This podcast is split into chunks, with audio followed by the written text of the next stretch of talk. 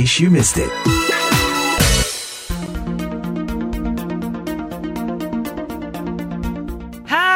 Hai, bertemu lagi dengan saya Madioni dalam In Case You Miss It, VOA Washington DC, program yang hadir setiap hari Jumat. Satu lagi perempuan Indonesia yang berkiprah di panggung internasional untuk menyuarakan isu-isu kemanusiaan. Nadia Choa peraih gelar Miss Face of Humanity Global Ambassador 2022 di Toronto, Kanada, awal April memperjuangkan program-program bagi anak-anak pengungsi dan pendidikan bagi mereka. Kita akan berbincang-bincang dengan Nadia Choa dan Dardo Siregar dari Yayasan Dunia Mega Bintang selaku penyelenggara di Indonesia mengenai ajang ini dan pesan yang ingin disampaikan kepada masyarakat. Apa yang paling menantang bagi Nadia dari penyelenggaraan Miss Face of Humanity di Kanada ini? Yang paling menantang tentunya karena kontestannya semua pinter-pinter banget dan saya mau merepresentasikan Indonesia dengan sebaik mungkin yang pasti. Terus karena di setiap diskusi di balik layar tuh juga banyak banget diskusi dengan para juri, dengan uh, tim internal dari pageant dan ini semuanya tentang hal-hal yang berat ya. Tentang konflik di dunia tentang kemanusiaan tentang edukasi. Terutama tentang isu saya di edukasi untuk refugee tantangan terberatnya itu karena kita harus berpikir kritis. Dan hal-hal yang dibicarakan juga sangat konkret kerja yang nyata begitu ada berapa negara yang ikut berpartisipasi Nadia? Jadi dari rencana awal, karena kita kan sudah mulai merencanakan dari 2021. Tetapi dari 30-an peserta yang bisa nyampai ke Kanada, karena Kanada itu sangat susah, dan bisa berdiri di panggung itu 17 orang. Mas Dardo, apa arti kemenangan Nadia di ajang ini bagi Indonesia, Mas? Ini adalah merupakan suatu apa ya prestasi yang cukup kita banggakan karena Nadia kan tidak hanya membawa membawa nama sendiri ya, tapi membawa nama Indonesia. Dan untuk ajang Miss Face of Humanity ini juga kriterianya lumayan berat Mbak gitu. Jadi yang aku dapat adalah poin-poin yang mereka kumpulkan setelah kompetisi ini banyak scoring yang harus kita tick gitu ya. Jadi untuk mencapai prestasi untuk mendapatkan crown ya merupakan suatu apa ya perjalanan yang nggak mudah deh untuk Nadia sendiri karena dia sudah membawa education for refugees gitu kita harus membawanya ke platform yang lebih lebih luas lagi itu jadi bukan sesuatu hal yang mudah untuk kita bawa tapi akhirnya alhamdulillah Nadia bisa mendapatkan placement tertinggi untuk Indonesia. Kembali ke Nadia, adakah kewajiban khusus yang harus dijalankan setelah menjadi Miss Face of Humanity 2022 ini Nadia? Uh, kewajibannya banyak banget ya. Ini kita udah bicarakan jadwal untuk satu tahun ke depan. Jadi tentunya harus merepresentasikan organisasi Miss Face of Humanity dan karena fokus kita ke aksi-aksi kemanusiaan. Jadi kita akan mengkombinasikan dari berbagai uh, kontestan kemarin, mereka tuh udah punya organisasi yang bekerja dan uh, khusus di bidang sosial. Contohnya Carrie dari Miss USA dan saya itu di Education for Refugees itu memiliki visi dan misi yang lumayan mirip. Jadi aku dan Carrie nanti akan bekerja uh, sangat erat karena dia punya pesan tentang human trafficking. Dan kita tahu sendiri kalau refugee itu banyak sekali yang di human traffic,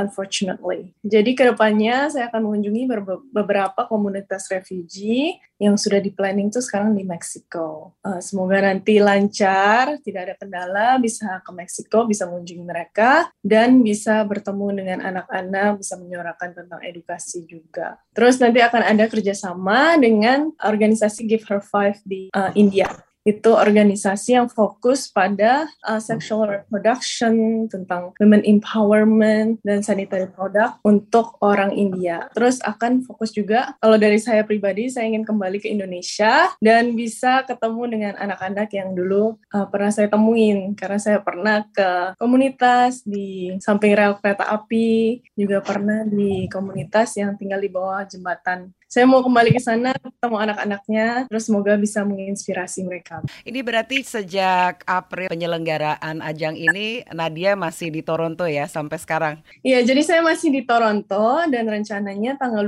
24 Mei. Jadi penerbangan mungkin sehari sampai di Indonesia 25 Mei begitu.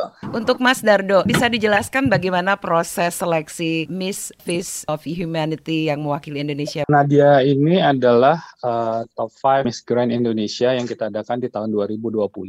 Kemudian akhir 2020 dari organisasi pernah memang approach ke kita, cuman uh, waktu itu mereka quest for sponsorship untuk top 4-nya uh, malam final. And then after that, uh, ya se seiring uh, jalan, uh, akhirnya mereka requesting us, uh, oke, okay, I think dari top 5 uh, kemarin kita trust dengan dua kandidat, tapi akhirnya yang dipilih adalah Nadia gitu, karena menurut mereka platform dari Education for Refugees ini uh, bisa mereka bawa ke isu global gitu. Jadi akhirnya um, Mei atau Juni tahun lalu mereka uh, request for Nadia, kemudian kita infokan ke Nadia, oke okay, Nadia uh, dari pusat minta Nadia untuk uh, mewakili Indonesia di Miss Face of Humanity, kemudian Nadia bilang oke okay, dia bersedia, and then ya kita appointed her as Miss Best of Humanity Indonesia. Kembali ke Nadia ini, apa yang akan Nadia lakukan di tanah air spesifiknya apa ya? Kebetulan saya baru kembali dari Ottawa. Ottawa itu tempat ada kedutaan besar Indonesia dan saya baru bertemu dengan duta besar Indonesia untuk Kanada juga. Bapak Daniel. Kebetulan komunitas Indonesia di sini itu sangat erat dan mereka itu sudah mengumumkan akan melakukan suatu kegiatan, suatu event untuk mengumpulkan dana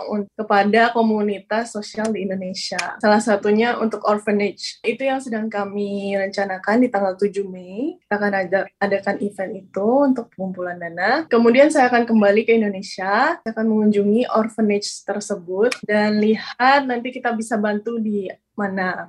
Fokus saya tetap akan ke edukasi. Mas Dardo, ini sejauh mana nantinya peran penyelenggara dalam pelaksanaan misi dan kegiatan-kegiatan Nadia nantinya di tanah air setelah kembali? Tentunya kita uh, akan mensupport uh, kegiatan yang akan dilakukan Nadia, terutama yang berhubungan dengan humanity. Jadi dari yayasan uh, kita sedang mempersiapkan program apa yang akan dilakukan oleh Nadia selama nanti dia kembali ke Indonesia. Karena seperti sudah dijadwalkan setelah nanti dia tiga bulan di Indonesia, dia akan balik lagi ke Toronto untuk bertugas lagi gitu Mbak. Nah, dalam salah satu pidato Nadia ini uh, sempat menyebut bahwa Nadia menentang perang dan ingin menyebarkan pesan kemanusiaan dengan kasih gitu dengan cinta with love. Apa saja kegiatan yang akan Nadia lakukan terkait dengan himbauan menghentikan perang? Ya, jadi saya sendiri tahu kalau perang itu suatu hal yang bukan bisa di stop hanya dengan kita mengatakan ayo kita stop perang. Saya juga di sini bertemu dengan berbagai korban perang, bertemu dengan orang dari Afghanistan, bertemu dengan orang dari Ukraine, dan mereka datang dengan keluarganya, masih memiliki keluarga di daerah perang. Sehingga saya sendiri itu sangat sadar kalau ini tuh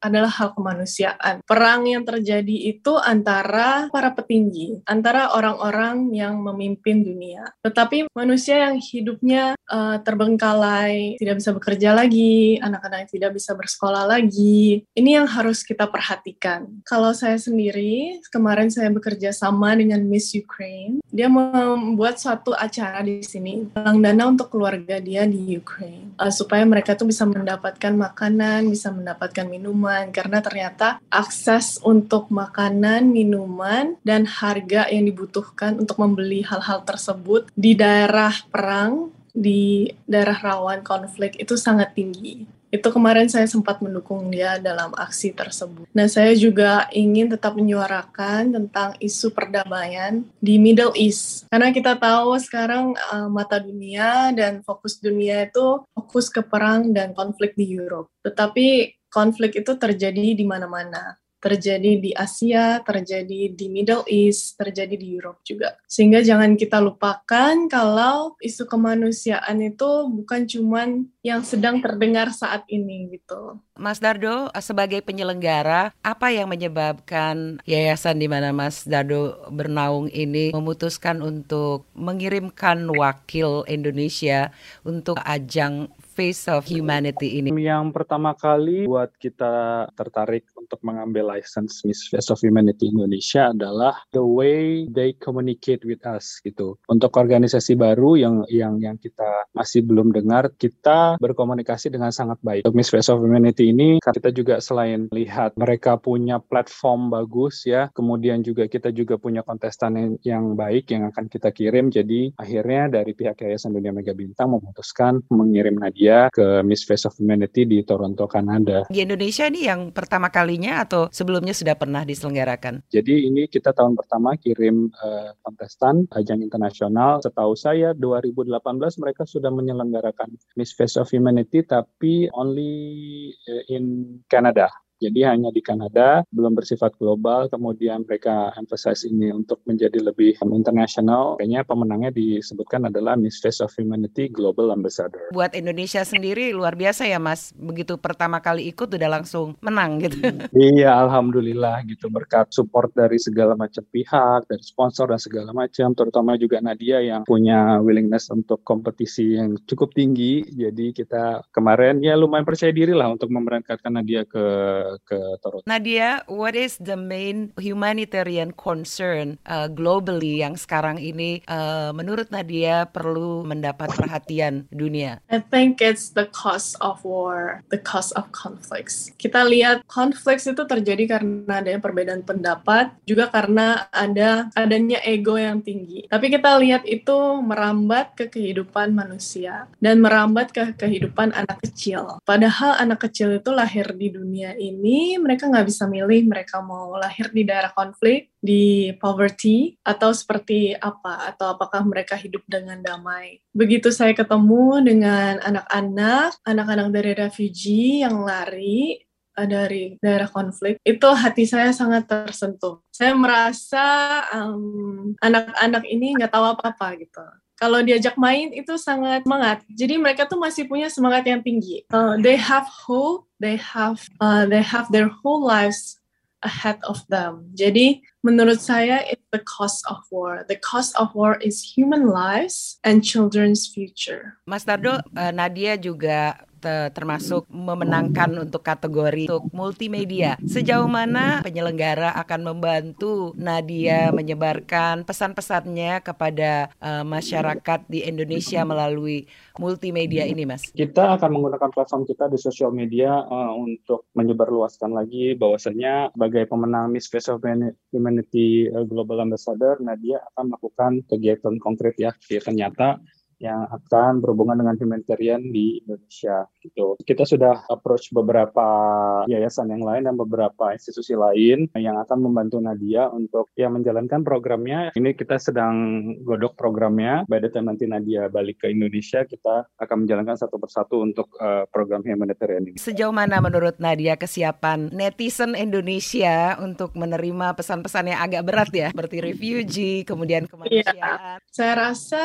uh, dua hal ini itu hal yang bisa dimengerti oleh orang Indonesia. Memang isu refugee, isu konflik itu hal-hal yang sangat berat. Tapi fokus saya bukan ke perang. Fokus saya ke kehidupan manusia, ke kehidupan anak kecil. Jadi setelah saya komunikasikan lewat Instagram, lewat speeches saya, itu saya lihat bahwa orang Indonesia itu sebenarnya punya hati yang besar. Sebenarnya ingin sekali membantu kehidupan anak kecil. Baik Nadia, terima kasih banyak. Kita semua berharap nanti Nadia bisa mewujudkan uh, apa visi dan misi Nadia untuk kemanusiaan. Mas Dardo, terima kasih banyak ya Mas. Iya, sama-sama Mbak for time. Bye. Demikian In Case You Missed It, VOA Washington DC bersama Nadia Choa dan Dardo Siregar mengenai Miss Face of Humanity. Program ini juga bisa di disimak melalui podcast kesayangan Anda. Saya Madeoni undur diri, sampai jumpa dalam topik menarik lainnya. Bye. The Voice of America.